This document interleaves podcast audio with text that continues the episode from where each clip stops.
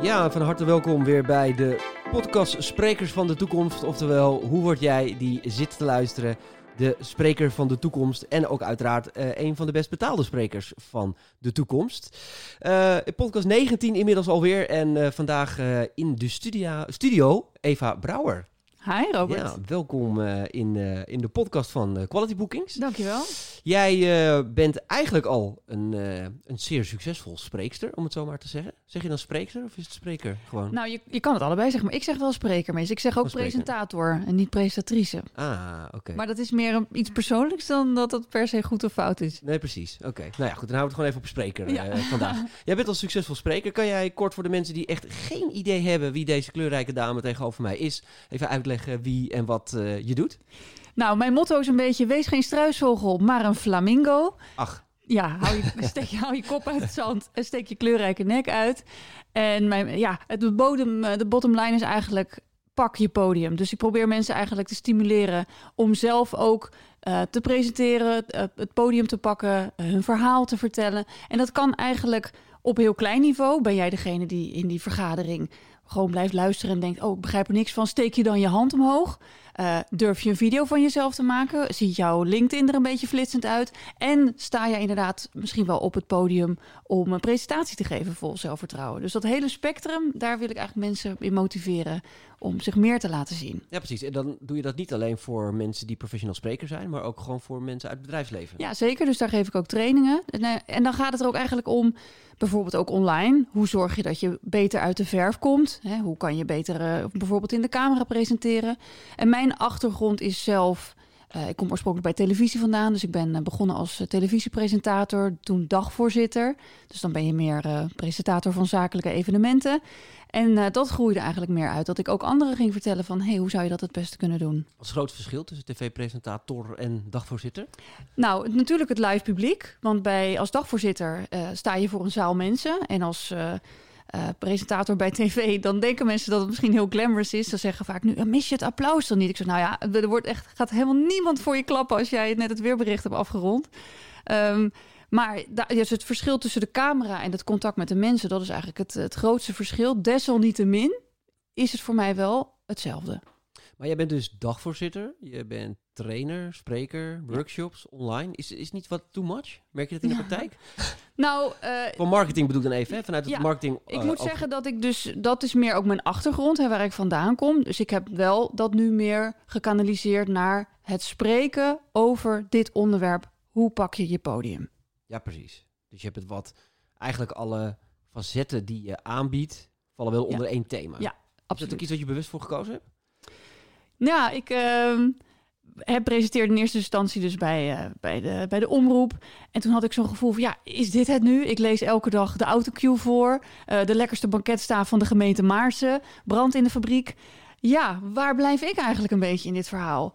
Het was hè, van de buitenwereld. Het ego die je dat doet. Ja, nou ja, ja je, hebt, je hebt me helemaal door. Ik val meteen weer door de man. Nou, en weet je, ik, ik had toch een beetje zo'n gevoel van... Ik, ik raak mezelf een beetje kwijt. Ik lees andermans dingen voor, maar er moet toch meer zijn. En toen ja, begon ik een beetje te, te onderzoeken van wat zou er bij me passen. En uiteindelijk dacht ik, nou weet je wat, ik begin gewoon bij presenteren en dan zie ik wel.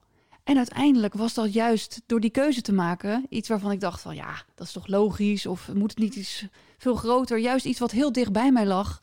Dat uh, ben ik gaan uh, onderzoeken en veel meer zelf over.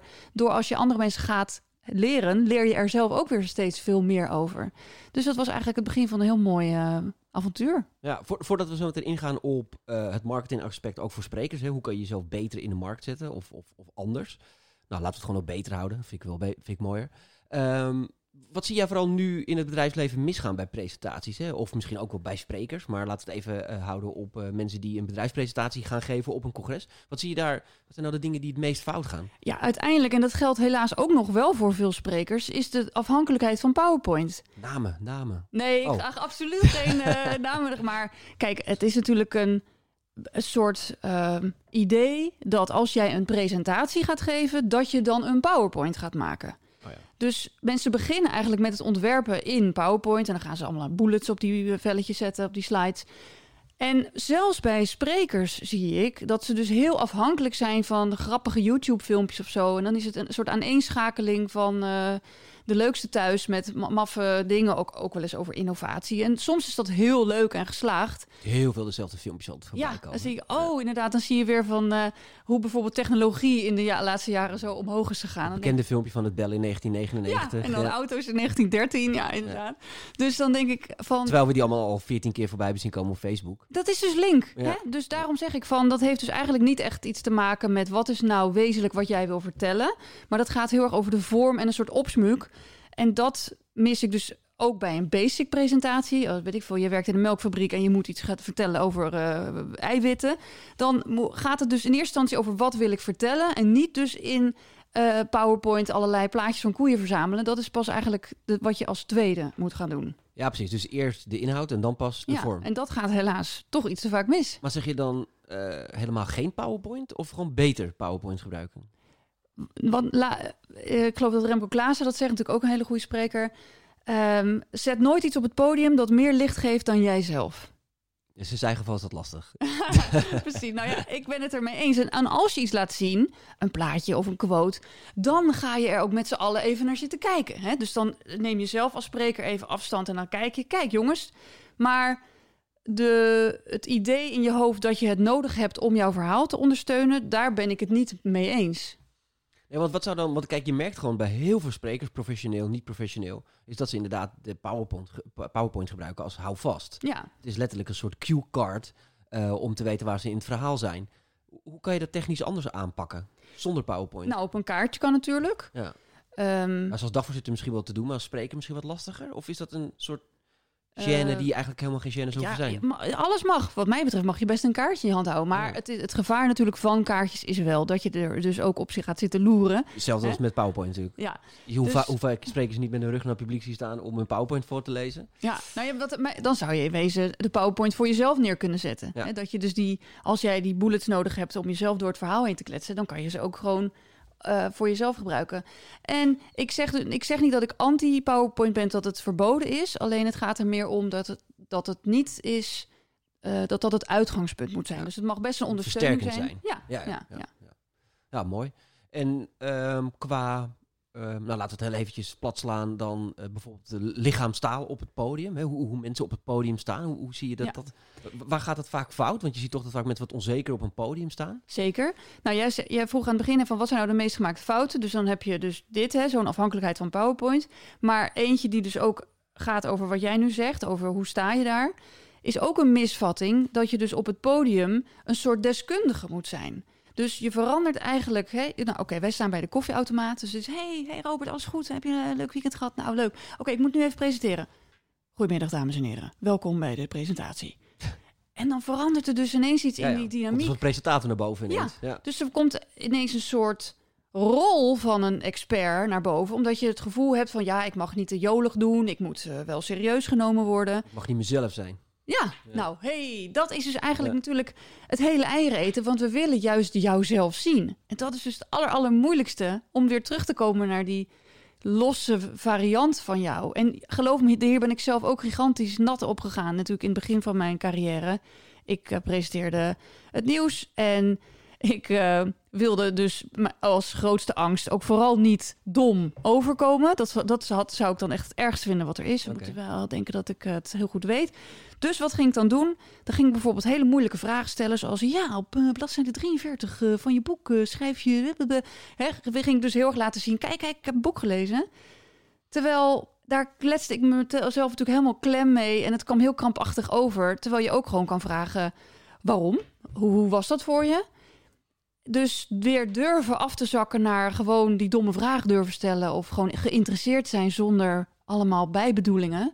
Dat, dat willen we graag. Ja. ja, eigenlijk is dat in alles wat we doen. Hè. Ik, ik- als ik dan bijvoorbeeld kijk naar ondernemerschap. Toen ik net als ondernemer begon, toen speelde ik ondernemer. Om het zo maar te zeggen. Je, je, je had een bepaald beeld in je hoofd van hoe een ondernemer moest zijn. En dat speelde je dan.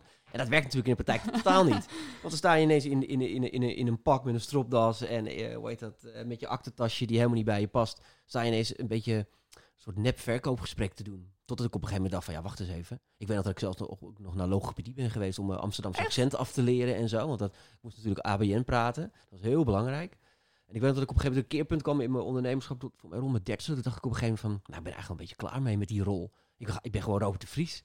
Ik, Ja. ga, ik ga het gewoon als Robert de Vries doen. Dus toen ben ik ook gewoon in mijn, in mijn, in mijn, in mijn trui en in mijn hoodie naar een gesprek toe gegaan. Ik denk, ja, ik, ik heb altijd truien aan. Waarom zou ik nou een verkoopgesprek dan geen trui aantrekken? Ja, maar dit is dus eigenlijk precies. Want daardoor zijn mensen jou waarschijnlijk nog veel sympathieker gaan vinden en meer gaan gunnen. Nou ja, goed, dan dan ben je dus jezelf. Want ook in zakelijke deals ben je altijd op zoek naar mensen om zaken mee Ja. te doen. Niet met merken of met... Wat heb ik, daar geloof ik niet in. Je bent op zoek naar mensen waar je een klik mee hebt. En je kan alleen een klik met mensen hebben als je jezelf bent. Ja. 100%. En dat is ook met business deals gewoon zo. Ik heb de grootste deals gewoon in een, in een In die trui en Ja. in mijn spijkerbroek gemaakt. Ja, ik, ik, Ja. ik, ik, ik excuseer, eh, excuseer me er niet eens meer voor. Want Ik ben, ik, ik ben dit gewoon. Ik wil niet zeggen dat als ik een keer voor een goede meeting... een keer een overhemd aantrek en een jasje of zo. Maar dan in ieder geval wel iets wat, wat bij je past. En dat merk jij dan nu dus blijkbaar ook heel erg op het podium. Dat mensen een, een rolletje staan te spelen. Ja, en ehm, nu is misschien dus dat presenteren, dat, daar hebben mensen dan ook een beeld bij dat, dat je dat van nature heel goed zou moeten kunnen. Hè? Dat wordt dan een soort in onder, eh, verdeeld van die kan het en die kan het niet. Er is best wel onzekerheid ook over. Terwijl dat iets is wat je gewoon ook moet leren en durven ervaren. Dus ja, ga maar eens een keer nat. Dat is natuurlijk ook echt meteen een horrorervaring, maar ja, zo leer je het wel. Bizar dat, we dat, zo, ook, dat, dat, dat daar zo'n dat zo'n druk op ligt, hè? Ja, maar het is eigenlijk heel erg tegen natuurlijk. Dus als je kijkt naar hoe eh, de mens eigenlijk eh, uit kuddes voorkomt, we zijn eigenlijk van origine een kuddedier, dan is jezelf uit de groep plaatsen sowieso gevaarlijk, hè? want je valt meer op en je bent bijvoorbeeld eh, makkelijk te grijpen door een leeuw hè, op de prairie bij wijze van. Maar ook sociaal gezien, als jij dus heel gek tussen aanhalingstekens gedrag vertoont buiten de kudde, dan kan je ook Kwetsbaar, verstoten ja. worden. Dus het Ja. is op twee manieren in ons biologisch systeem heel erg. Alle, al die signalen die je lijf geeft, zweten, monddroog, hartklopping, is eigenlijk zoiets van doe dit niet, dit is link. Maar heb je, dat, heb je dat ook gehad in het begin van je carrière? Of ben je wel eens iemand... Ja, ik ben, dus ik vertelde net al dat ik eh, zo heel interessant zat te doen. Ja. Het, het absolute dieptepunt van zo interessant lopen doen, was dat ik op live televisie tijdens een interview eh, mijn vraag vergat. En dus gewoon zo op die bank zat naar die gast. En dacht, wat is dat voor geluid? Oh, dat ben ik. Nou, dat was zo ontzettend verschrikkelijk. Dat Ja. ik echt gewoon hoopte dat de vloer zou opensplijten en dat ik erin zou vallen. Daar heb ik echt gewoon jaren last van gehad. Maar heb je echt veel moeite gehad ook om voor grote groepen te staan? Ik, Nee. merk juist bij, mezelf altijd dat ik grote groepen altijd prettiger vond dan eh, kleine groepen.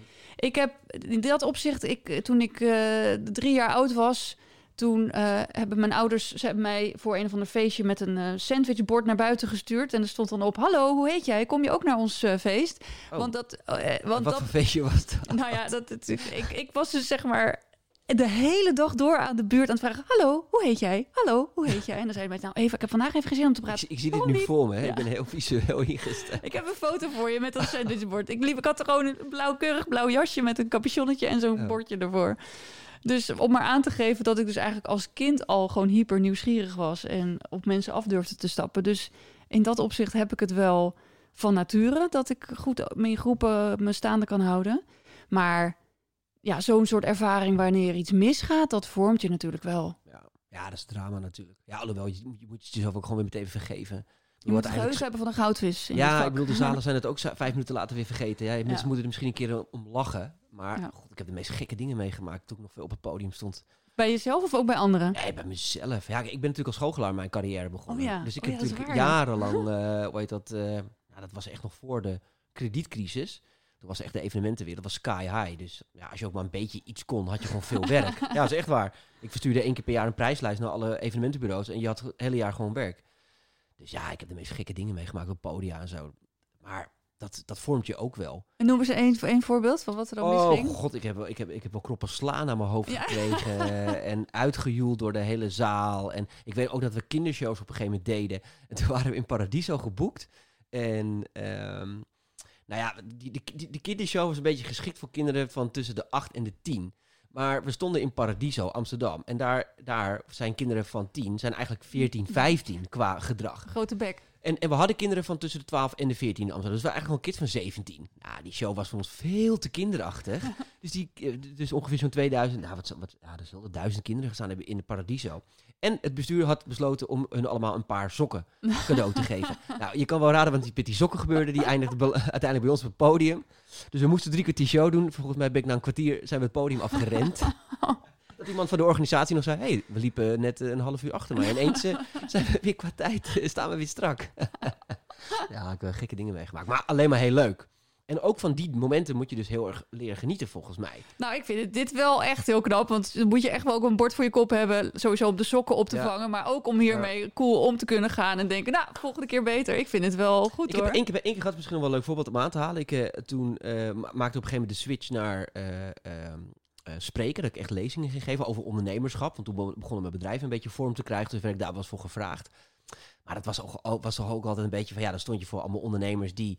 400, 500 man in dienst hadden. En had ik dan een boekingskantoortje opgericht. Dus het was al een beetje dat je dacht van... Moet ik hier nou wel een lezing komen geven? Dat op een gegeven moment iemand eh, uit de zaal riep van... Ja, weet je, dit zijn allemaal zulke clichés. Dit weten we allemaal wel. En ik weet dat ik in de split second dacht van... Ik voel me eigenlijk aangevallen. Maar aan de andere kant dacht ik ook... Ik vind het eigenlijk ook wel heel interessant. Is dat zo? Dus ik heb toen mijn lezing stilgelegd. En toen heb ik aan de hele zaal gevraagd van... Nou, ja, die meneer zegt dat nu. Eh, is dat zo? Hebben jullie het idee dat ik allemaal eh, eh, dingen sta te herhalen?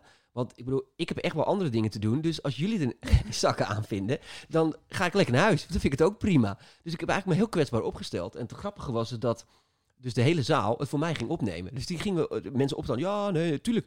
Het zijn er wel open deuren. Maar ja, goed, alles zijn uiteindelijk open deuren. En het is wel fijn om het nog een keer te horen. En nog wel een keer dit. Dus iedereen ging eigenlijk, kreeg onderling het publiek een soort strijd met elkaar. Dat was een heel gekke, gekke situatie die er ontstond. Eh, eindstand eh, heb ik gewoon mijn lezing afgemaakt, om het zo maar te zeggen. Maar dat was eigenlijk gewoon even een stapje terug te zetten. In plaats van, eh, nou ja, of aanvallend te zijn naar die man van, joh, ga er maar zitten, hou je mond. Gewoon open de vraag te stellen Ja. van, joh, wat, wat, wat gebeurt hier nou? Hè? Hebben jullie allemaal het idee dat ik echt voor niks hier sta? Door die, door die Ik, kwetsbaarheid? Dit is Ja. dus echt inderdaad wat je dus het beste kan doen. Hoewel dat echt wel spannend is. En niet voor iedereen Ja, als heel nog natuurlijk. ik wel, toch wel. Ja, nee, Het is goed dat je dat erbij zet. Want eh, soms zouden mensen die luisteren misschien kunnen denken van... oh, ik weet niet of ik dat wel zou durven. Ik heb ook wel eens gehad dat, dat ik aan het presenteren was... en dat er mensen wegliepen. Eerst twee. En toen weer twee. Oh, dat doet zo En toen pijn. nog één. Dus ik dacht echt zo, wat is hier aan de hand? En ik was, ik was eh, iemand aan het interviewen. En op een gegeven moment, dus ik heb ook aan de zaal gevraagd van... sorry, eh, is er wat aan de hand? En toen zeiden ze, ja, er staat iets anders in het programmaboekje. Nou, kijk, als ik dat niet had gevraagd... dan had ik me misschien lopen Ja, pijnigen. hele ego Ja. eh, weggelopen. en we weten hoe gevoelig mijn ego is Ja, natuurlijk. nee, inmiddels weten we dat. Ja. nou ja, een beetje ego moet je wel hebben als spreker, toch? Nou, ja, boel. natuurlijk. Luister, eh, al die mensen die luisteren... die graag de beste spreker, nog best be- verdienende spreker van Nederland willen worden... die zullen ook best wel... eh, Ja, een beetje ijdelheid eh, hoort er heus wel bij. Ja, laten we het eens hebben over dat, eh, het commerciële stuk van het verhaal. Want dat is natuurlijk uiteindelijk de insteek ook van deze podcast. Ehm, eh, ja, veel, veel sprekers vinden het toch lastig om zichzelf als brand te zien. Ik denk dat jij een van de, van de weinige sprekers bent die ik tegen ben gekomen... die dat heel goed voor zichzelf heeft ingericht. Om jezelf echt als merk te gaan zien. Eh, kan jij eens, eh, ons eens meehelpen in hoe je dat voor jezelf hebt ontwikkeld? Het is wel mooi dat je zegt ontwikkeld, want het is ook iets wat wel gegroeid is. Wat ik niet meteen vanaf dag één zo heel doelbewust had bedacht. Het is een proces. Juist. Dus, maar wat bijvoorbeeld heel erg hielp, is dat ik bijvoorbeeld toen ik mijn website ging ontwerpen, bijvoorbeeld een palet kleuren koos. Hè, dat eh, kies je dan voor je website. En dan heeft, eh, weet ik veel, ik had dan een, eh, hoe noem je dat, personal branding expert die mij daarbij hielp. Want ik dacht eerst, oh, de kleur lila is de kleur van het jaar. Oh nee, nee, je moet toch iets meer wat bij jou past. Oké, dus dat eigenlijk al gaat daar een klein onderzoekje aan vooraf. En toen dacht ik, als ik nou gewoon alleen maar kleren koop die in dit palet vallen, dan heb ik eigenlijk ook altijd in mijn look die branding, zeg maar. Dus dat was eigenlijk een, een eerste stapje dat ik dacht van... hé, hey, ik kan mezelf dus ook zo naar die brand kleden. Ja. Ja, Maar je hebt er hulp voor ingeschakeld. En- dus, zowel branding. voor de, ja, dus zowel voor meer de, het ontwerp, het grafisch ontwerp Mhm. van mijn website... en mijn eh, huisstijl, et cetera. Maar inderdaad ga ik zeker minstens één keer per jaar... met een stylist eh, of door mijn kast of shoppen. En dat vind ik eigenlijk iets wat er gewoon bij hoort. Omdat bijvoorbeeld hoe je eruit ziet en hoe je jezelf presenteert online... een heel groot instrument is waarin mensen jou gaan zien voor het eerst... en daarop beoordelen van waar gaat het eigenlijk over. Dus ik, ik vind dat... Maar help ons dan een stap voor stap mee hoe je dan uiteindelijk tot bepaalde keuzes bent gekomen. Want je hebt op een gegeven moment voor een kleur gekozen. ja, dus en- ik, ik heb bijvoorbeeld zelf rood haar. Dus nou, mijn tip zou natuurlijk niet zijn, neem allemaal rood haar. Want dat zou natuurlijk mij een stuk minder doen opvallen. Maar ik, ik heb dus wel bedacht van ja, die, dat is echt mijn look. Dus ik heb nagedacht over hoe kan ik een soort ehm, ja, eh, uiterlijk neerzetten wat herkenbaar is. Dus mijn Maar combinatie... frikt dit niet weer met, met, met, dat stukje kwetsbaar zijn en jezelf zijn? Of, eh, weet dat, ga, want ga je nu Ehm. eigenlijk niet een soort eh, andere identiteit creëren? Is dat erg? Nee, want het Of- is eigenlijk ehm, wel iets wat, je, wat ik juist zelf heel erg tof vond. Oké. Maar gecombineerd met juist felle kleuren, een panterprintje, een glittertje. Maar is het dan een uitvergroting van... Juist, dat is een mooier woord misschien. Dus het Dankjewel. is niet zozeer nep. Ja, het is niet zozeer nep, maar meer inderdaad highlighten. En ik had sprak pra- pas iemand in een training, dat ging dan over storytelling. En zij zei, goh, wat heb jij eh, leuke kleren. En eh, ja, ik zie jou altijd met panterprint, dit en dat. Maar dat kan ik niet doen, want dat is niet sociaal geaccepteerd. Nou, toen schoot ik natuurlijk in de lach. Alsof ik dat Dan juist een doen, soort ja. gekkie... eh, Ja. toen dacht ik, hoezo, waarom zeg je dat? Dus ik, als mensen aan mij vragen, waarom draag je heel vaak kleur? Dan wil ik eigenlijk altijd vragen, maar waarom draag jij het niet? Ik bedoel, de wereld is zo saai met alleen beige en donkerblauw. Weet je wel? En, maar hij draagt eh, mintgroen. Ik dus, keek even ja. naar mijn trui op dit moment. Kan, kan er heel goed mee door, mensen. Ja, nee. Maar ehm, ja, dus in, in kleur is ook is gewoon een middel om, om iets uit te drukken. Oké, dus jij bent heel erg de kleurrijke kant op gegaan. Ja. Ehm, hoe heb je dat verder in je branding dan doorgezet? Eh ja, ik kan me voorstellen inderdaad je website, je dan, dat je die dan ook in die kleurstellingen doet? Of Ja, hoe dus- ben je verder mee aan de slag gegaan? Ja, dus dat was eigenlijk, daar begon het mee met die site. En toen dacht ik dus, hé, hey, ik kan eigenlijk mijn hele look wel zo aanpassen. En eh, dat, was, dat is natuurlijk maar één facet van dat merk. Hè? Dus dat is een beetje het uiterlijke facet. Toen had ik die slogan waar ik net mee begon. eh, Wees geen struisvogel, maar een flamingo. Mhm. Kijk, dat slaat natuurlijk ook echt op mij. Ja, ik ben een soort paradijsvogel die graag op het podium staat. Maar tegelijkertijd heb ik ook wel eens momenten dat ik dan onder mijn dekbed wil liggen en denk: oh, waarom wilde ik dat ook alweer? Oh, vind ik het ook best wel spannend soms. Dus eigenlijk is dat mijn persoonlijke mantra: wees geen struisvogel, maar een flamingo. Dus ik moedig mezelf ook wel eens aan van: huppatee, kom op Eva, we gaan ervoor. Kop uit zand. Juist. Ja. En toen heb ik dus die flamingo als een soort visueel motto ingezet. Nou, en voor ik het wist, kreeg ik van mensen allemaal iPhone-hoesjes met flamingo's en oorbellen met flamingo's. En eh, weet ik veel, kreeg ik dan in Insta zelfs de raarste dekbed overtrekken met eh, flamingo's van mensen eh, toegestuurd. Dus dat, Sloeg het een beetje door. Toen sloeg het een beetje door. ja, dus ik zeg niet dat ik zo woon. Hè? Nogmaals, het zijn meer suggesties van anderen. Ehm, ja, ik, ben, ik weet, in het begin van mijn carrière ben ik toen op een gegeven moment... tussen toen ik voor mezelf ging werken... toen dacht ik, hoe kan ik nou eens dit moment vastleggen? Een soort statement voor mezelf maken van... ik ben klaar met dat brave meisje die de perfecte prestatrice wil uithangen. Nu is het een soort tijd voor mezelf, coming out van mezelf. Wat ben ik toen gaan doen? Toen ben ik naar de Dam gegaan met een keukentrapje. Had ik een fotograaf en een videograaf geboekt. En toen eh, ging ik op dat keukentrapje staan in een flamingo pak. Oké. En dus toen weet ik nog dat... Zijn die alle- foto's er ook nog? Ja, die foto's zijn er zeker. En video's. Dus er stonden ook alleen maar Aziatische toeristen omheen. En ik kreeg van een of andere eh, een soort... eh, nou, iemand die daar stond, kreeg ik een handje mais. Dus toen ging ik, stond ik met die mais en alleen maar duiven. Zo poep, poep, poep. Ik weet nog eens dat ik bij mezelf dacht... Gaat voor al die vieze duiven, weet je wel. Maar ik je paarse pak. dus ik in mijn flamingo pak met alleen maar een wolk van duiven om me heen. En dat was zeg maar dat moment. Er, eh, er wordt, er wordt eh, de flamingo-lijn eh, belt. Dat, dat was eigenlijk het moment dat ik dacht bij mezelf... die flamingo moet ik nog meer omarmen. En toen gingen mensen dat dus ook aan mij teruggeven. Dus zo ontstond dat eigenlijk, dat, die gimmick met die flamingo. Oké. En ehm, wa- waarom is dan uiteindelijk dan die personal branding? Want kijk, voor sprekers vinden, dit- vinden dit vaak een heel lastig onderwerp. Want ze snappen dat je een merk in de markt moet zetten als, als product of als dienst. Maar als het dan gaat om eh, jezelf, vinden heel veel sprekers, merk ik altijd in de praktijk, heel lastig. Eh, waarom is het zo belangrijk? Ja, kijk, ik, ik, ik, ik, wil... Je, je kent misschien die Iris Apfel. Dat is een eh, hoogbejaarde, hoogbejaard mode-icoon uit New York. Met wit haar en dan een hele grote ronde bril, een soort uilenbril. En ze is dan altijd gekleed in... Ja, de meest gekleurde dingen met 6000 kettingen eromheen. Dus, maar haar kan je ook zeg maar uittekenen in gewoon, nou, je kan- er een soort, eh, hoe noem je dat? Eh, een soort cartoontje van maken. Mhm. Joep van het Hek kan je ook een cartoontje Precies. van maken. Dus dat is eigenlijk mijn laatste stap. Vorig jaar heb ik een card deck gemaakt van, vanuit Pakje Podium. En heb ik, eh, een vriendin van mij heeft een soort, een soort archetype van mij getekend. Ja. Kijk, als we het hebben over ego en over je ijdelheid heen stappen, bedoel, ja, je moet misschien wel een klein beetje soort megalomaan zijn om te denken van ik ga mezelf nu als soort icoontje maken. Maar ja, je ziet toch heel veel avatars tegenwoordig. Dus eigenlijk is dat het. eh, Nou ja, je kan het ook nog wel verder doortrekken. Als je nu gaat kijken naar de... eh, We hadden het er net in het voorgesprek over. Ik heb het al vaker benoemd in veel podcasts. Is dat als je op LinkedIn nu gaat zoeken naar mensen die zichzelf spreker noemen... dan kom je bijna al over de 100.000 mensen in Nederland heen... die vinden dat ze een spreker zijn. Maar waarom... eh, ik heb, en ik heb dat wel eens tijdens een masterclass gevraagd aan het publiek... van noem nou eens 10 sprekers op het gebied van duurzaamheid... die Hmm.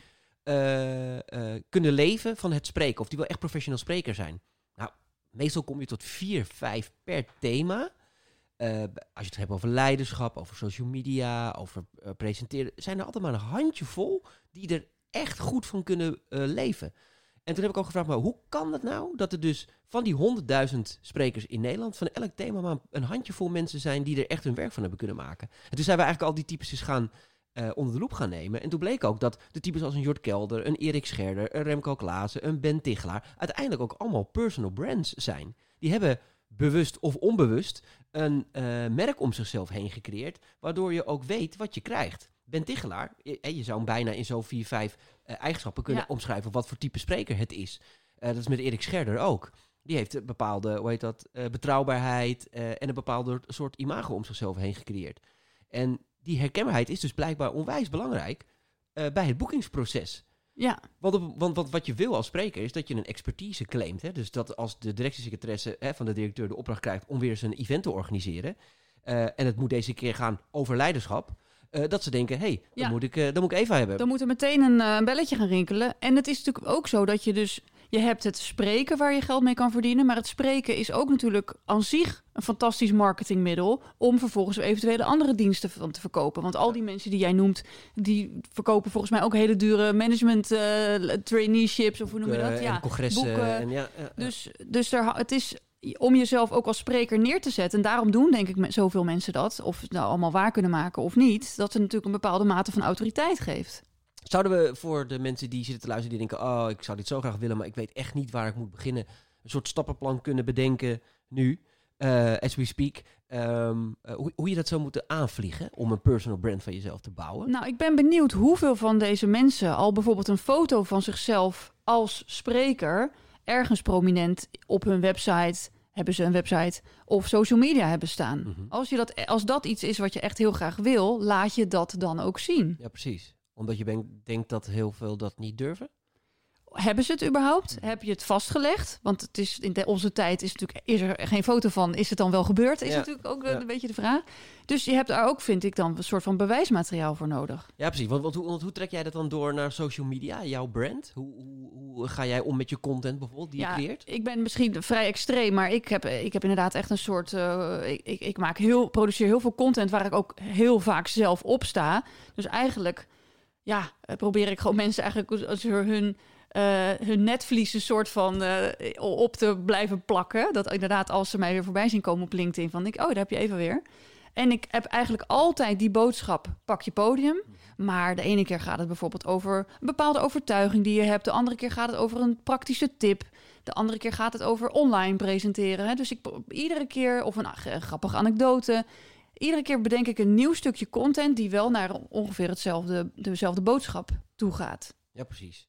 En want dit is ook iets waar heel veel sprekers mee worstelen, weet ik in de praktijk. Hè? Hoe, hoe, wat ga ik nou op social media plaatsen? Hè? Want je merkt toch dat ze dat lastig vinden om daar die continuïteit in te houden. Het is ook altijd een beetje, ik noem het altijd maar een beetje de schaamte voorbij, hè, social Mhm. media. Dat, dat, dat is ook alweer vaak, terwijl ik dan denk, ja, je staat wel op een podium, maar je vindt het dan wel eng om een filmpje eh, te maken van social media. Maar dat is dan toch wel weer een vak apart. Ehm, kun je daar eens wat tips en tricks over geven? Want jij doet dat heel goed, en dat, dat werkt ook heel succesvol. Ehm, ik denk dat het ook onvermijdelijk is om dat te doen tegenwoordig, zeker om eh, aan werk te komen. Maar hoe zouden sprekers daar nou mee kunnen beginnen die daar tegenaan lopen? Ik denk dat eh, in plaats van het woord schaamteloos zullen we gaan, gaan we gewoon zeggen schaamtevrij. Ja? Dus inderdaad, ehm, ga, voorbij die, die gêne die je inderdaad eventueel voelt. Ik eh, hu- huur ook eens in de, weet ik veel, drie maanden fotografen in om weer even een nieuwe fotoshoot te doen en nieuw fotomateriaal te hebben. Natuurlijk heb ik ook een vak waar sowieso heel veel fotografen rondlopen. Maar ik zeg dan ook gewoon even, hey, kun je even een, eh, een portretfoto van me maken? Ja hoor, natuurlijk, geen probleem. En dan heb ik, krijg ik na de hand een leuke foto toegestuurd. Ja, dus ik, ben, ik durf zelf gewoon daarom te vragen. Je denkt ook eigenlijk non-stop als een content Ja. creator. Ja, eigenlijk wel. zeggen. Ja. Dus ik had pas iemand die was naar de, naar, een- naar de James Bond première geweest. Oh. Ik zei, oh wat vet, heb je een foto gemaakt? Nee, ik heb geen foto gemaakt. Toen dacht ik, in mijn universum bestaat het niet dat ik naar een James Bond première ga en dan geen foto maak. Ik bedoel, hoe kan je dat niet bedenken? Dus ik wil eigenlijk dat mensen zich aanleren om continu eh, het moment te zien van... hey, is dit een interessante foto? En dan moet je dus inderdaad niet alleen maar denken... oh, maar vinden ze dat niet stom? En ja, dat is, dit, het geeft gewoon eigenlijk het proces weer... waar je eigenlijk de hele tijd in zit. Nou ja, en het is een onwijs belangrijke tool voor dat claimen van die expertise. Kijk, jij wil natuurlijk gewoon als expert gezien worden op het gebied van branding en op, van presenteren. Eh, ja, dan zal je de hele dag wel tegen iedereen moeten vertellen, ik ben hier de expert in. Ja. Zodat als straks die directiesecretaresse de opdracht krijgt om daar op dat thema een congres te organiseren, dat ze denken, hé, hey, dan moet ik even hebben, want ik zie de hele godganse dag voorbij komen. Ja, Met die gekke paarse trui van eraan. ja, ja, inderdaad, ja. Nee, maar dat is wel eh, how it works. Ik bedoel, eh, zo onthouden mensen je, zo claim je bepaalde expertise en dan gaan mensen ervoor kiezen om je te boeken. Ja, en ik krijg ook wel zo, ja, ik volg je al heel lang, Eva, en nu kunnen we je Ja. boeken. Dus, dus het, het loont ook om dat gewoon te blijven doen. Het is ook een proces van lange adem natuurlijk. Dus niet als jij met heel veel moeite één post hebt geproduceerd, dat je dan meteen weer moet bijkomen. Nee, dat is pas het begin. Ja. Jij vertelde net in ons voorgesprek, vind ik wel even leuk om op in te haken, is dat corona eigenlijk voor jou wel heel prettig heeft uitgepakt op een of andere manier. Kan je daar wat over vertellen? Want dat, Ja. voor de meeste sprekers is corona natuurlijk een heljaar geweest. Ja, kijk, even dus eh, met natuurlijk nog wel het medeleven dat ik begrijp dat het voor heel veel mensen niet eh, prettig is geweest. Maar ik ben zelf heel erg eh, de nadruk gaan leggen op online presenteren. En dat heb ik niet alleen maar gedaan als commerciële kans, maar ik geloofde ook echt van jongens, het kan zoveel beter. Maar heb je het dan over dat je zelf bent online gaan presenteren of je bent mensen gaan helpen met online presenteren? Eh, Natuurlijk allebei, Ja. want ik werd natuurlijk ook gevraagd om o- mijn, eh, de- hè, mijn kunstje als het ware online te doen. Dus of het presenteren of, eh, of het spreken over mijn onderwerp. Maar ik wilde ook andere mensen laten zien van jongens, jullie kunnen jezelf ook zoveel beter presenteren. Het hoeft niet allemaal stil te liggen. Je hebt ook nu nog zat podia, namelijk bijvoorbeeld social media of eh, online events die je kan doen om jezelf te profileren en te laten zien. En bedoel, jij, jij hebt toch ook vaak vergaderingen dat je dan iemand ziet in tegenlicht met eh, de laptop, eh, hè, de- dat je in iemands neus kijkt alsof ze een klokkenluider bij nieuwsuur zijn. Ik bedoel, dat kan, het kan zoveel beter. Met een paar makkelijke ingrepen kun je ook een veel waardevoller, meer persoonlijke verbinding tot stand brengen. Ja, ik kreeg zo op een gegeven moment die coronatijd van mensen echt de, bijna... Ja, jij zit altijd op een- met een hele leuke achtergrond op, op, de, op de achterkant. Ik, heb, ik, ik had- een hele mooie boerderij met een tuin. Dus ik ging altijd lekker in de tuin zitten. En, zo, hoe heet dat, eh, en dan kreeg ik altijd van... Ja, maar jij zit altijd met een mooie achtergrond. Ja, je moet toch zelf ook een Ja. beetje in zo'n vergadering eh, een beetje leuk presenteren, toch? Ja, nou, 100 procent. Ja. Ja, en, en hoe ben je dat dan verder gaan uitrollen? Ehm, ben je dan ook mensen daarin gaan trainen, zeg maar, directeuren? Ja, dat. Maar ik heb er eerst een boek over geschreven. Dus Oh. ik heb meteen eh, het boek geschreven. Dat deed je even. Ik kan redelijk snel schrijven. Dus ik heb inderdaad eh, in tien stappen online presenteren geschreven. Daarover, als we het hebben over marketing en, Mhm. en branding, heb ik voordat er ook maar één letter op papier stond, alleen een knipperende cursor, heb ik geroepen: Jongens, ik ga een nieuw boek schrijven en ik wil graag dat het op nummer één komt van, van managementboek. Dus ik heb meteen al best wel zo'n bouwde bewering gedaan naar buiten. En testlezers community begonnen op Facebook, zodat ik elke week dan een hoofdstuk ging delen. En dat mensen konden meelezen. Dus ik ging er al meteen een soort event van maken. Hè? Dus Ja. ik, en waarom deed ik dat? Ik heb wel eens vaker een boek geschreven. En meestal kom je dan na een aantal maanden van je zolderkamer. En dan zeg je, tada, ik heb een boek. En dat is Ja. voor jou dan mega belangrijk. Maar, verrassing, nobody cares. Nee. Niemand weet dat jij dat aan het doen bent. Dus je hebt zo ontzettend veel awareness nodig. En een aanloop om mensen waar warm voor te krijgen. Dat ik gewoon nu dacht, ik begin al voordat het af is. Voordat het überhaupt begonnen is. En uiteindelijk is het ook gelukt. Dus Ja. ik stond op nummer 1 van managementboek met dit boek. Ja, en van daaruit was het natuurlijk mooi om eh, er lezingen en masterclasses over te geven. Ja, super tof. En jij, jij, ik merk ook, jij denkt ook echt altijd als marketeer. Hè? Dus je, gaat, je pakt het als een marketeer, pak je, je je eigen verkoop aan. En net wat, net wat je zegt, zo'n boek, iets weer, hè? Die, die, die, dat claimen van die expertise. Je staat op zijn nummer één positie. Er komt gewoon gegarandeerd werk uit. Want Ja. je bent ineens volgens een extern platform. Hè? Ja. Al zou je ze allemaal zelf gekocht hebben. Dat, eh, dat, hoe heet dat adviseer ik ook nog wel sprekers. ja, maar ja, je, je komt op die nummer één positie. Die is gewoon super belangrijk. Ik bedoel, dat is, ik bedoel, in de muziekindustrie is het niet anders. Worden hits ook gewoon gekocht. Eh, eh, en ik zal nu niet iedereen aanbevelen om zijn eigen boeken te gaan kopen. Maar het is wel heel erg belangrijk om die positie gewoon te krijgen in zo'n Ja, in zo'n lijst. het, het is ook heel fijn om mensen te vragen van... Goh, wil je mijn boek kopen en mij helpen om op nummer 1 te komen? Ja, precies, Het is een heel lekkere boodschap, omdat mensen dan ook graag bijdragen. Maar ook weer kwetsbaar. Ook weer kwetsbaar. Ja, want ik bedoel, eh, de meestal doen sprekers proberen altijd heel erg van, ah ja, goed, ik heb een boek geschreven, kijk maar of je hem wil lezen. En juist door te zeggen van, joh, ik zou het super tof vinden als je hem koopt en help mij die op die nummer 1 positie. Ja, dat is ook wel weer dat is kwetsbaar waar, natuurlijk. maar dit was ook mijn derde boek. Dus de doelen veranderen in die zin ook. Want mijn, eh, ik heb eerst een kinderboek geschreven. Het tweede boek was wel ging over presenteren. En toen was het doel een boek schrijven. Maar het doel een boek schrijven dat op nummer 1 van managementboek komt, is een heel ander doel. Ja. Dus daar moest ik zeg maar blijkbaar die ervaring al hebben opgedaan om dat nu ook te durven, om daar weer een veel specifiekere doel nog aan te hangen. Hoe maak jij, want we zijn nu het nieuwe jaar weer begonnen, 2022. Ehm, hoe, maak jij voor jezelf dan ook weer doelstellingen voor een nieuw jaar? Ga, ma- maak je dat heel concreet voor jezelf? Ja, ehm, ik probeer dan wel altijd aan het einde van het jaar of begin nieuwjaar in de vakantie heb ik nu ook gedaan. Doe ik altijd een soort, weet ik veel, soort trainingen of een soort eh, meditatieoefeningen om terug te blikken en vooruit te kijken. Dus dan schrijf ik inderdaad wel dingen op. Dus mijn motto voor 2022 is be a work of art. Dus eh, dat, dat wil ik eigenlijk nog veel meer doorvoeren. Hoe kan ik eigenlijk nog meer, ehm, ja, het is, het is nog een beetje abstract in mijn hoofd, maar ook juist in mijn look, in de producten die ik maak. Hoe zou het nog toffer kunnen worden? Meer kunst worden. Ja, eigenlijk, ik behoud ook heel erg van kunst. Eh, ik vind het overigens wel leuk dat je zei dat ik denk als een marketeer. Dat vind ik een groot compliment, want ik ben van huis uit eigenlijk historicus. Oké. Dus ik heb eh, heel veel kunstgeschiedenis gedaan. Dus ik, ik hou heel erg van kunst. Ik verzamel kunst. Dus eigenlijk wil ik dat ook nog meer ook bij mijn brand laten horen. Dus Ik dat ben heel is, benieuwd hoe je dat gaat implementeren dan. Ja, Zien dan- we jou straks met een Van Gogh op je t-shirt. ja, ik, ik weet zelf ook. Dus, maar het gekke is, ik weet nog niet precies wat dat dan gaat zijn. Maar het is wel een soort ehm, thema wat dan in mijn hoofd zit. En vaak aan het einde van het jaar dan zou je zien dat ik er iets mee heb gedaan. ja, precies. Nou, dat, dat gaan we nou uiteraard Ik weet niet of een luisteraar hier echt wat aan heeft. Het is heel vaag. Nou, het is wel juist Ja. heel leuk om, dat, om, om, om te zien. Dus je bent dus nu al in je hoofd ergens. We zijn nu negen dagen onderweg, of wat is het? Eh, elf dagen onderweg. Maar je bent dus wel in je hoofd planmatig bezig. Van oké, wat ga ik dit jaar doen? Waar gaat in Ja. welk thema gaat ik het denk staan? ook weer een boek. Ik denk dat ik weer een Ja. boek ga schrijven. En dat het, dan wil ik ook dat het er weer nog toffer uitziet en zo. Dat het weer. Parallel tussen kunst en presenteren. Ja, wie weet. Wie weet. Ja, Hoe presenteren kunstenaars zich? Nou ja, dat bedoel, als je kijkt naar Salvador Dali, Picasso, die kun je dus ook huppatee zelf uittekenen in hun look, hoe ze eruit We zien. hebben ook een branding eh, natuurlijk eh, gehad. Bewust of onbewust. Ja, ik denk. Zal het bewust zijn geweest? Nou ja, kijk, Dali die had zo'n snor die zo helemaal als twee potloden zeg maar recht op Is zij niet per ongeluk stond. gekomen. Nee.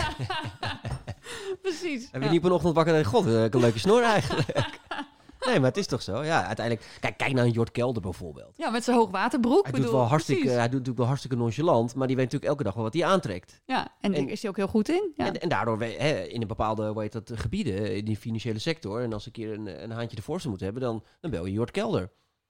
Eh, en Ja. dat is natuurlijk wel how it works. Ik bedoel, dat is natuurlijk ook met artiesten, eh, met, met zangers en zangeressen zo. Uiteindelijk, heet dat, eh, boeken ze je voor het plaatje op de, voor het advies. Voor het affiche. Ja, dat, dat denk ik ook. En het gaat dus, dus als we het hebben over. Eh, we hadden het aan het begin over dat je vaak te serieus bent en te veel in de expertrol gaat zitten. Daar hoort dan ook bij dat je vaak veel te veel wil vertellen. En maar eindeloos feiten over de schutting blijft gooien. Terwijl mensen willen inderdaad ook entertained worden. En willen ook het gevoel hebben dat jij een personality bent. 100%, 100%. Ehm, de afsluiting. Ehm, wat gaan wij nog van jou komen, eh, kunnen verwachten de aankomende tijd? Nou, ik. Buiten eh, de kunst eh Ja, dat, dat wordt misschien eh, thuis gaan we volgen. aan, aan, Ja. aanklooien. Nou, ik heb vorig jaar een, ehm, heb ik met Robert Cialdini op het podium gestaan. Met hele leuke was het? voor denkproducties. En ja, dat, was, dat smaakte ook naar veel meer. Dus ik wil ook eigenlijk nog meer op echt grotere events als spreker gaan staan. Want stond je daar als dagvoorzitter of als spreker? Nee, als spreker. Oké. En, dat ging over? dat ging over hoe kun je jezelf presenteren met autoriteit en sympathie. Oh. Ja, dus, dus v- die een autoriteit op zit... zich. Ja. Ja, dank je. Maar kijk, bij veel mensen zit die autoriteit dus wel snor, maar hoe kun je dus ook juist aardig blijven? En dat doe je door toch veel meer van jezelf laten zien. Ik ben blij dat het woord kwetsbaarheid ook vaak over tafel is gegaan Ja. hier. Dus veel meer, laten we het, het woord schaamtevrij ook nog even noemen. Dat we veel meer onszelf durven zijn en niet altijd maar denken, is dat niet gek? Kan ik dat wel zeggen? Als je dat gevoel hebt, dan juist doen, want daar zit het goud. Mooi. Ehm, tot slot, eh, ik dat is nu voor de tweede keer, dus dat klopt niet helemaal. Maar eh, ik hou altijd van concrete tips. Ehm, heb je nog drie tips, of vier of vijf, maakt maar niet uit, of één, eh, voor beginnende sprekers? Er zijn veel mensen die naar luisteren, die, staan, die willen zo graag dat podium op. Ehm, die willen graag aan werk komen, het zijn lastige tijden. Heb, je één of twee goede tips voor die Ja. mensen, hoe ze aan het werk kunnen komen? Eh, ik vind het supergoed dat er als spreker in je bio staat. Ook al ben je misschien niet de meest geboekte spreker nu, maar het feit dat je het op, hebt opgeschreven is gewoon een soort teken aan de buitenwereld van hier ben ik, ik ben te boeken. En dan Dus heb je het op een LinkedIn profiel, heb je het. Bijvoorbeeld. Ja, ja, precies. Hè, dus ik, op zich vind ik dat juist hartstikke goed en dat juich ik toe. Dus in, in gesprekken zeg je dus niet, ja, ik wil eigenlijk meer gaan spreken. Nee, je bent spreker. Hè? Fuck Ja. it, je bent het gewoon. Twee, dan ga je die bio nog eens een keer doorkammen. Wat staat er eigenlijk? Hoe kom je over? Staat er ook nog dat je, eh, weet ik veel, kassa-juffrouw was ergens in eh, 1998 in Eemnes? Dat mag er dan af. Hè? Dus je mag die, die, die bio best wel een beetje selectief eh, neerzetten. Ja. Ja. Ehm, dus ik heb, we hebben het over foto's gehad. Ga eens eventjes na. Ehm, wat voor ma- beeldmateriaal heb je eigenlijk van jezelf? Kan dat misschien een tandje professioneler? Kan je daar misschien gewoon voor iemand inhuren? Ga eens ook door die kledingkast heen. Wat, wat, wat draag je? Wat, wat is je look? Heb je daar een beetje over nagedacht? Wat wil jij uitstralen? En wat is jouw persoonlijke verhaal? Want oké, misschien ben je wel die expert in duurzaamheid of eh, auto's of eh, weet ik veel, financiën. Maar hoe kun je het nou nog eens meer ook jouzelf daarin meenemen? Waarom mensen ook naar jou speciaal moeten luisteren, waardoor het interessant wordt. Ja, en ik wil nog één ding van je weten, want dat zit ik nu eens aan te denken. Dat vind ik wel interessant, want je zegt over dat je op een congres van denkproducties hebt gestaan. Een beetje de Champions League van de Nederlandse congressen. Ehm, hoe kom je nou op zo'n congres? Pak jij de telefoon, bel je Hans op en zeg je... joh, eh, ik wil op een congres spreken bij je? Of Nou, ik, heeft hij je boek gelezen en eh, dacht hij... ik wil even op mijn Nee, congres? ik, ik, heb, ik ken eh, Jan van Zetten. Ja. En eh, Jan zie ik ook eigenlijk als, als wel een soort mentor van mij. Jan is ook een hele goede spreker, ook een auteur. En ja, hij heeft mij eigenlijk bij Hans geïntroduceerd. Dus zo is het gekomen. Vriendjespolitiek is het. Ja, ik, als dat dan de bottom line is voor mensen. Maar Maar ja, netwerken dus. Ehm, ja, het is in die zin. ehm, ik heb Jan toen gevraagd of hij voorwoord wilde schrijven voor mijn boek. Dus toen heb ik. Ik had hem al eens ontmoet bij een event waar ik dagvoorzitter was en hij spreker. Toen dacht ik echt zo: wauw, wat is dit? Ik had echt zo'n NS-moment. Op een dag weet je het. Ik word spreker. Dus dat was, weet ik veel, zeven jaar geleden. Hij had ook zijn eigen glitterkanon bij zich. Gewoon, ik dacht, hoe is het mogelijk? Ja. Hè? Gewoon aan het einde had hij dat. Nou, het was, ik was helemaal onder indruk. Dus ik had hem al ontmoet, leuk gesprek gehad. Toen heb ik hem dus gevraagd als, voor het voorwoord van mijn boek. En daarna had hij een boekpresentatie. En toen vroeg hij mij om hem te interviewen. En heb ik die eh, bijeenkomst gepresenteerd. Dus zo werden we eigenlijk. eh, ken, leerden we elkaar beter kennen. Maar dat kwam inderdaad wel doordat ik hem ook een keer ergens voor had gevraagd. Dus blijven investeren in je netwerk. Ja, dat dus zeker. Ongegeneerd jezelf overal aan proberen te bieden. Ja, Pak ik, je ook wel eens de telefoon op en ga je gewoon een klant bellen? Zo van, joh, eh, moeten wij niet eens een keer wat met elkaar gaan doen? Ja, ja meestal, meestal doe ik het wel vanuit een contact dat ik dan ken of heb. Echt cold calling doe ik niet zo vaak. Maar het, als- ik, zou, ik zou er zeker wel voor openstaan. Het is niet dat ik het niet zou durven. Nee. Dat is ook wel een beetje een, eh, een taboe in de sprekerswereld. Hè? Om gewoon je eigen werk te gaan Maar regelen. jij zegt aan het begin, zei je van... ik was begin de goochelaar en ik stuurde elke jaar mijn prijslijst aan het begin. Ja. Ja. dus dat vind ik hartstikke goed. Nee, ik, ja, maar goed, ik bedoel, dat is natuurlijk ook waarom ik uiteindelijk heb geleerd hoe je een spreker in de markt moet zetten. Is omdat heel veel sprekers dat gewoon niet doen of niet durven. Ehm, en ik heb dat altijd een beetje, ja, ik noem het altijd maar een beetje eh, Amsterdamse bluff ingehad. En ik dacht van, ja, weet je, ik zie al die bedrijven prijslijsten eh, sturen. Eh, ja, dat ga ik ook doen. Ja, ik vind dat hartstikke goed. En wij belden gewoon die bureaus letterlijk allemaal op. En dan gewoon, gingen we vanmiddag zitten. En dan had je 100, nou laten we zeggen dat er 20 of 30 echt grote bureaus waren in Nederland in die tijd. Nou, die gingen we maar bellen. Ja, wie boekt bij jullie de artiesten? Oh, John. Ja, mag ik John even spreken? Ja, hey John, wij zijn goochelaars. En we hebben een hele toffe show. Mag ik het opsturen? Ja, is goed, stuur maar. En op een gegeven moment had je dan zo'n heel database. En stuurden we iedere keer gewoon, dat was toen nog per post. Stuurde van, hey, onze prijzen zijn weer wat omhoog gegaan dit jaar. Dat is heel corny, maar het werkte wel, want iedere keer stuurde je prijslijst en dan, eh eh, hoe heet het, werden we weer, eh, werden we weer geboekt. Ehm, en, en dat is wel wat heel veel sprekers uit een soort trots of zo misschien ook wel, of onzekerheid, misschien wel beide, ehm, gewoon niet durven te doen. Terwijl Ja. ik denk dat het super belangrijk is Of, om... ja, of eh, onwetendheid, want ik denk niet dat iedereen die goochem heeft om dat te doen. Ja, maar je hoeft ook niet altijd jezelf te verkopen. Maar je kan ook een Hans Jansen opbellen. Voor joh, moet je luisteren Hans. Nou, niet allemaal Hans gaan bellen. Dat vindt hij helemaal niet leuk. Zit hij helemaal niet op te wachten. Maar goed, iemand op gaan bellen, ook zoals, me- als, als mij. Eh eh, en gewoon zeggen van, joh, wat zou ik moeten doen om bijvoorbeeld bij een bureau als jou Maar je, ingeschreven ja, je te krijgt staan? toch al heel veel van dat soort berichtjes? Ja, maar niet. ik krijg meestal altijd ellenlange Ah. LinkedIn berichten over allemaal wat ze doen. En dat boeit me Ah. eigenlijk helemaal niet zo heel erg veel. Want ik ben niet zo geïnteresseerd in wa- wat je vertelt. Ik ben vooral geïnteresseerd in hoe we dat kunnen vermarkten. Dus zeg gewoon van, joh, dit is wat ik doe. Dit is mijn expertise. Eh, ehm, en nu ga ik, ga ik de aankomende week allemaal dit soort LinkedIn berichtjes krijgen. Dat weet ik nu al. Maar dat maakt niet uit. Eh, eh, hou het ook dat concreet en kort. Want je merkt dat heel veel sprekers net alles willen vertellen. Dan krijg ik vier A4'tjes LinkedIn bericht. Ik dacht, ik ga het niet lezen. Sorry, doe ik niet. Ik heb geen tijd voor. Maar als je gewoon concreet zegt van, joh, dit is wat mijn expertise is. Kunnen we het een keer over lullen? Eh, want ik denk dat ik dit en dit kan doen. Ja, prima. Weet je, dat is een mooie, eh, interessante insteek.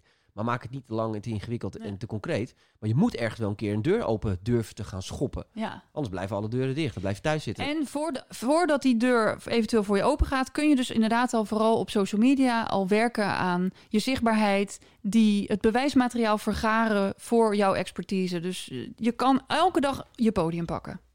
Ik vind dat we mooie concrete tips hebben, ge- hebben gebracht vandaag. Top. Dankjewel even. Heel graag gedaan. Jullie allemaal weer bedankt voor het luisteren naar eh, deze podcast nummer 19. Eh, volgende week nummer 20 alweer. En dan eh, zal Carlo van Linde plaatsnemen op de plaats van, van Eva. En dan gaan we nog even wat verder in op nou ja, over contentstrategieën en hoe je jezelf nog beter kan presenteren op social media. Bedankt voor het luisteren.